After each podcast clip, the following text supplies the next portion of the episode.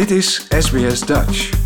Op sbs.com.au slash Dutch staan nog meer interessante verhalen.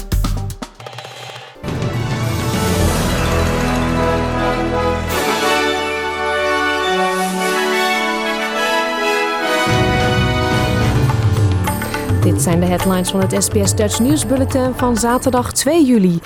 Waarschuwingen voor zware regenval in delen New South Wales. Rusland start bouwcomplex in Mariupol.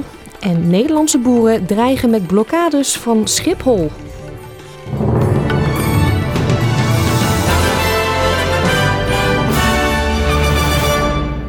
New South Wales krijgt opnieuw te maken met zware regenval.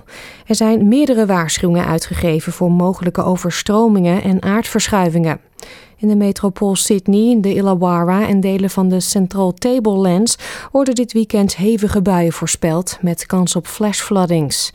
Het Bureau of Meteorology, BOM, waarschuwde dat op zaterdag en zondag op sommige plaatsen in een tijdsbestek van 6 uur 80 tot 150 mm regen kan vallen. Zoveel regent het normaal gesproken in een maand. De BOM zei gisteren ook dat het systeem zich op zondag of maandag kan ontwikkelen tot een laag drukgebied, waardoor de regen tot volgende week kan aanhouden.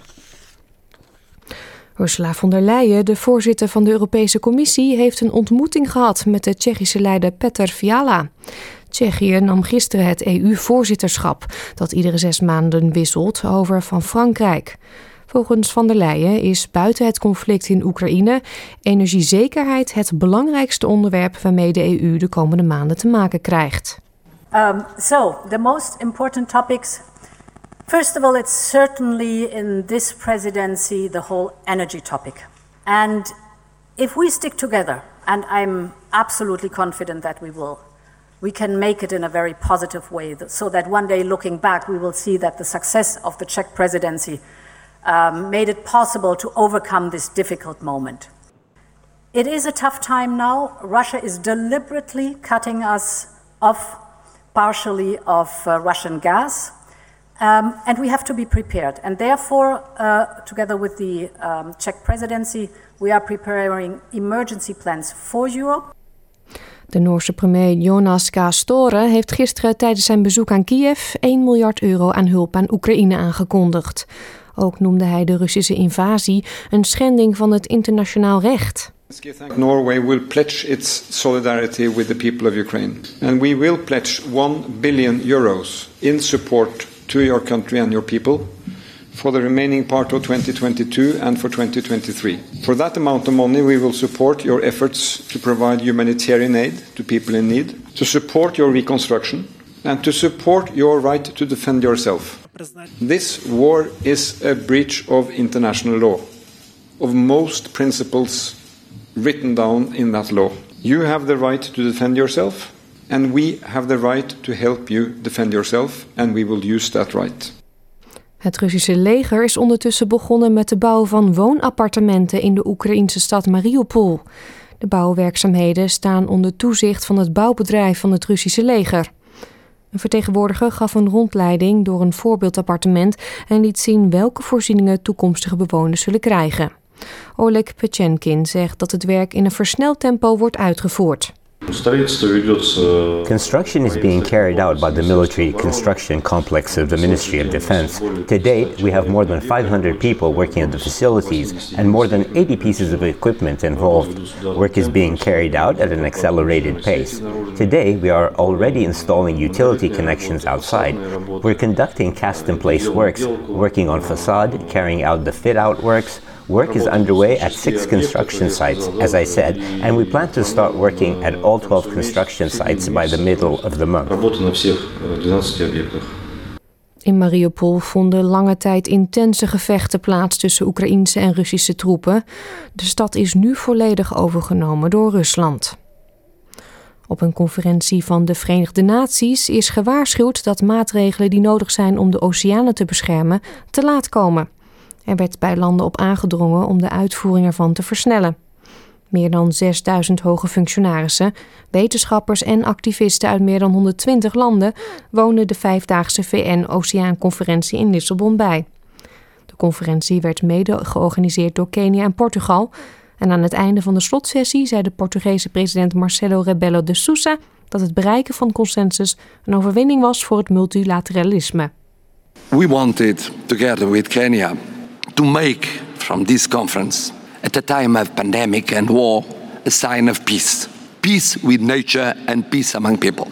A symbol of multilateralism in the phases of temptation of unilateralism. A moment of mobilization and not of contemplation. And we think, at the bottom of our hearts, that in such a difficult moment, lived throughout the world, we did it. In een verklaring die op de laatste dag werd gepubliceerd, staat dat afgevaardigden diep gealarmeerd zijn door de wereldwijde noodsituatie in de oceaan, waarvan de duurzaamheid van cruciaal belang is voor de planeet. Anthony Albanese belooft een nieuw hoofdstuk in de betrekkingen tussen Frankrijk en Australië. De premier ontmoette zijn Franse collega Emmanuel Macron in het Élysée-palais in het Élysée in Parijs. In een poging om de betrekkingen tussen beide landen te herstellen. Nadat die vorig jaar een duik namen toen Australië een onderzeecontract ter waarde van 90 miljard dollar annuleerde. Voormalig premier Scott Morrison zag af van de deal met de Franse bedrijf Naval Group ten gunste van de aankoop van kernonderzeeërs in het kader van AUKUS, het uh, veiligheidspact met Amerika en het Verenigd Koninkrijk. Albanese zegt dat Frankrijk een cruciale partner zal zijn bij het verwezenlijken van nieuwe ambities van Australië. Australia's relationship with France matters. Trust, respect and honesty matters. This is how I will approach my relations. I visit at a time of war in Europe and a challenging geostrategic environment in the Indo Pacific. My government strongly condemns Russia's illegal and totally unjustified invasion of Ukraine. In Zwitserland zijn sinds gisteren de eerste homohuwelijken voltrokken. De Zwitsers stemden zo'n negen maanden geleden tijdens een nationaal referendum met 64,1% voor de invoering van de wet huwelijk voor iedereen. In 2007 gaf Zwitserland al toestemming voor geregistreerd partnerschap tussen personen van hetzelfde geslacht. Met een bevolking van 8,5 miljoen inwoners behoorde het traditioneel conservatieve Zwitserland tot vrijdag tot een handjevol West-Europese landen die het homohuwelijk niet erkenden. In Griekenland, Italië en de mini-staten Andorra, Monaco en San Marino mogen alleen man-vrouw man paren trouwen. De meeste landen in Midden- en Oosten van Europa staat het homohuwelijk niet toe. Demonstranten hebben het Libische parlementsgebouw in Tobruk bestormd. Ook in Tripoli en Benghazi en verschillende andere steden werd geprotesteerd tegen de voortdurende stroomuitvallen en de verslechterende leefomstandigheden als gevolg van het falen van de regering. Een demonstrant wierp met een bulldozer een deel van de poort van het regeringsgebouw omver, waardoor de demonstranten gemakkelijker de poort konden bestormen, waarna ze auto's van parlementsleden in brand staken. In het gebouw was niemand aanwezig. In Tripoli kwamen honderden mensen bijeen om elektriciteit te eisen en hun onvrede over de regering uit te spreken.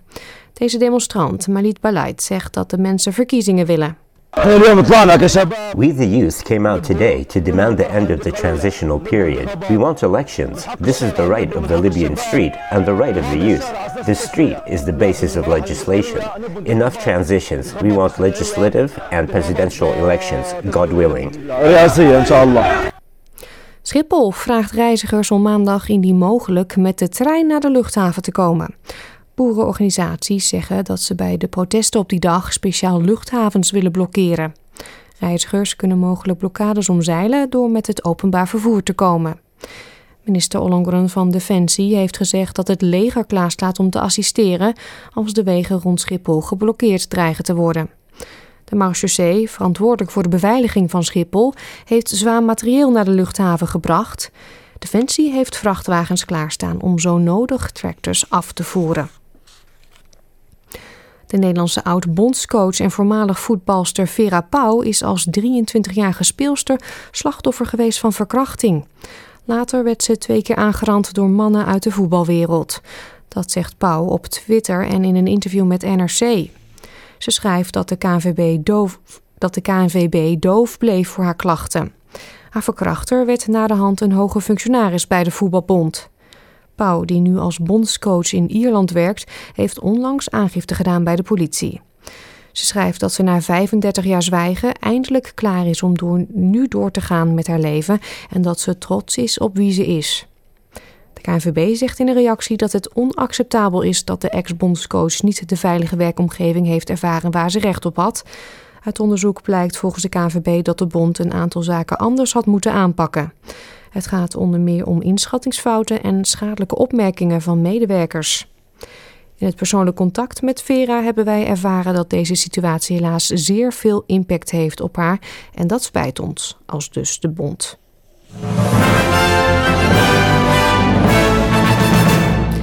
We nog even naar het weer voor vandaag. Het is zonnig in Perth en het wordt 20 graden daar. Adelaide bewolkt, 14 graden. Melbourne kans op buien, 13. Het is gedeeltelijk bewolkt in Cairns, 12. Canberra een paar buien, 10. En in Wollongong en Sydney, u hoort het al zo dadelijk, regent het en kan het van tijd tot tijd met bakken uit de lucht komen. Daar wordt het 15 graden. Ook in Newcastle regent het, 16. In Brisbane is het ook nat en wordt het 16 graden. Het is bewolkt in Cairns, 26 graden.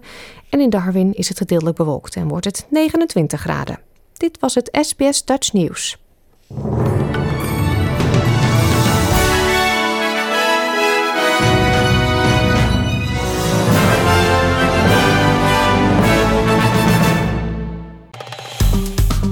Like, deel, geef je reactie.